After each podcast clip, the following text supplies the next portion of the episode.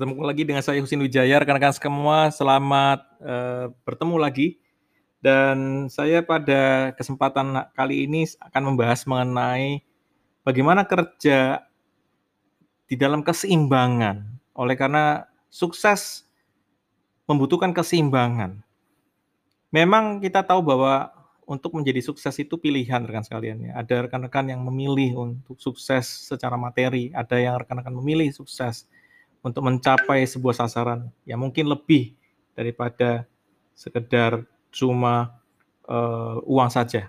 Gitu ya. Jadi dengan sekalian ini sesuatu yang sangat menarik sekali karena di dalam banyak tema saya mendapati bahwa work life balance ini merupakan sesuatu yang selalu menjadi isu. Ada yang mengatakan bahwa kerja keras harus diiringi dengan satu bentuk kehidupan yang santai, yang yang juga dinikmati. Bagi saya ini sebuah uh, sebuah contoh yang menarik oleh karena menurut saya kehidupan yang seimbang itu ya seperti naik sepeda. Kalau kita tidak bekerja ya kita tidak bisa santai dan senang, bukan? Tidak bisa menikmati hidup. Tapi kalau kita ingin uh, bekerja lebih keras gitu. Kita tentunya tidak bisa menikmati hidup. Jadi ini seperti sesuatu yang seperti yang kita gambarkan dalam analogi naik sepeda tadi.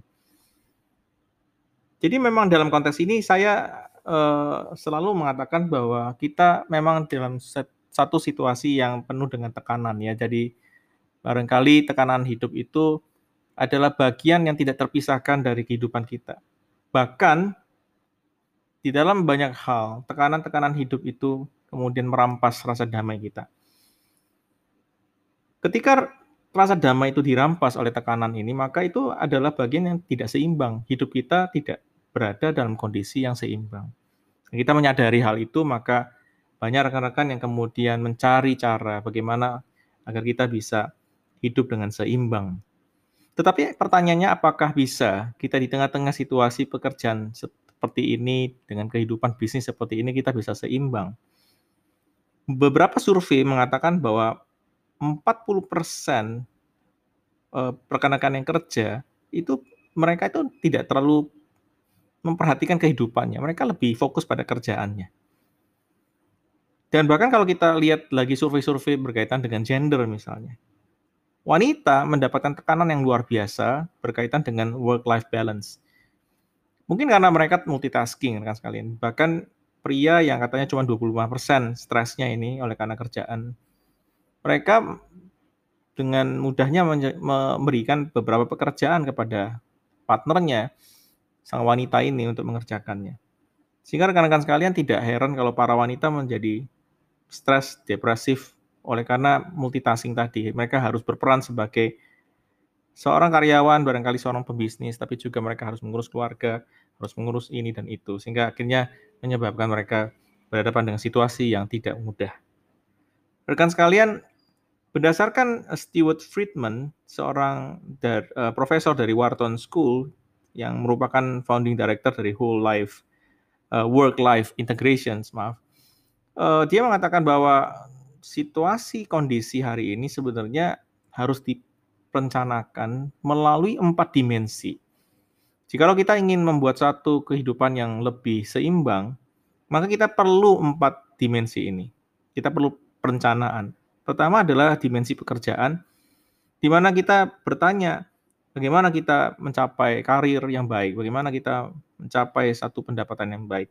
Kedua, berkaitan dengan rumah tangga, home ya. Nah, keluarga adalah bagian yang tidak terpisahkan dari kehidupan dan di dalamnya ada kegiatan-kegiatan rutin yang harus kita lakukan. Dan ketiga adalah komunitas di mana kita berteman, kita bertetangga, barangkali kita bersosial media. Satu hal yang merupakan domain yang penting juga di dalam kehidupan kita. Dan keempat adalah self. Berkaitan dengan diri sendiri, bagaimana kita secara private ya menikmati akan kehidupan yang yang diberikan. Jadi ada empat hal yang eh, empat domain yang diperhatikan jikalau kita ingin melakukan keseimbangan. Nah, keseimbangan tidak akan tercapai jikalau Eh, rekan-rekan memfokuskan kepada satu dua dari empat aspek ini, nah, sehingga tidak terjadi keseimbangan yang yang kita maksud, tetapi akan terjadi pilihan sebenarnya. Sehingga banyak orang memilih untuk bekerja dan mengabaikan yang lain, mengabaikan rumah tangga, mengabaikan komunitas, mengabaikan dirinya sendiri. Dia hanya tahu bekerja. Berprestasi, yes. Sukses, yes. Tetapi suksesnya hanya di bidang-bidang yang berkaitan dengan pekerjaan. Tetapi gagal di dalam bidang-bidang yang lain. Work-life balance bicara mengenai bagaimana kita menghadapi kehidupan tantangan zaman yang yang berat ini Apalagi setelah pandemi muncul, kita berhadapan dengan situasi yang tidak gampang, bukan? Dan saya menyadari bahwa hal ini tidak mudah untuk dibicarakan, tetapi pikiran adalah motor, rekan-rekan sekalian. Jadi di dalam kunci untuk menyeimbangkan kehidupan antara kerja dan dan kehidupan ini, maka pikiranmu yang harus dijaga baik-baik. Di dalam kondisi yang seperti ini, pikiran yang sehat dan prima adalah bagian yang paling penting untuk sane, ya, untuk waras di dalam menghadapi atau menyeimbangkan kehidupan. Kenapa kita penting ya menyimbang kehidupan? Karena ini bicara mengenai bahwa sukses itu bukan sekedar materi, tetapi juga ada imateri. Sesuatu yang kita kejar juga. Ada beberapa uh, kisah ya di mana banyak rekan yang mengejar kehidupan yang lebih nyaman dengan bekerja lebih giat, tetapi pada ujungnya kehilangan banyak hal. Berapa banyak dari kita kemudian melihat kiri dan kanan, banyak orang-orang yang begitu luar biasa tetapi biasa-biasa saja di dalam karirnya atau dalam uh, dalam uh, dalam usahanya misalnya. Maka area keseimbangan itu ada ada ada yang perlu kita bereskan. Ada empat hal yang saya ingin bicarakan kepada rekan-rekan sebagai tips. Satu adalah di dalam memanfaatkan atau kemudian menyimbangkan situasi, maka Anda harus kerja pintar. Kerja pintar berarti Anda menggunakan teknologi, Kerja pintar berarti Anda menyusun satu perencanaan yang efektif di dalam bekerja, sehingga Anda bisa kemudian menyelesaikan ya pekerjaan itu dengan baik. Tetapi pekerjaan-pekerjaan yang seperti ini membutuhkan prioritas. Kita belajar eh, beberapa waktu yang lalu podcast-podcast sebelumnya berkaitan dengan pemilahan. Anda harus membuat tenggat waktu di dalam pekerjaan itu agar Anda bisa memprioritaskan hal-hal yang lebih baik dan menjaga prioritas adalah bagian yang kita sebut dengan kerja pintar. Yang kedua adalah ambil istirahat walaupun pendek waktunya. Kita adalah manusia bukan robot, bukan? Maka Anda perlu beristirahat. Gunakan seoptimal mungkin waktu istirahatmu. Walaupun cuma setengah jam misalnya. Gunakan sebaik-baiknya. Karena Anda perlu recharge, Anda perlu merevisit apa yang menjadi tujuan hidupmu. Walaupun dengan waktu yang sangat terbatas. Yang ketiga adalah jaga batas antara kerja dan rumah. Sebisa mungkin Anda tidak mencampur adukan.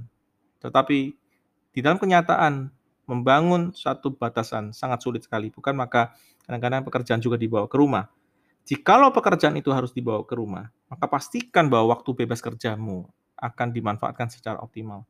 Jangan gunakan waktu bebasmu untuk bekerja dan jangan kemudian mengorbankan waktu bebasmu untuk kemudian mementingkan pekerjaan saja.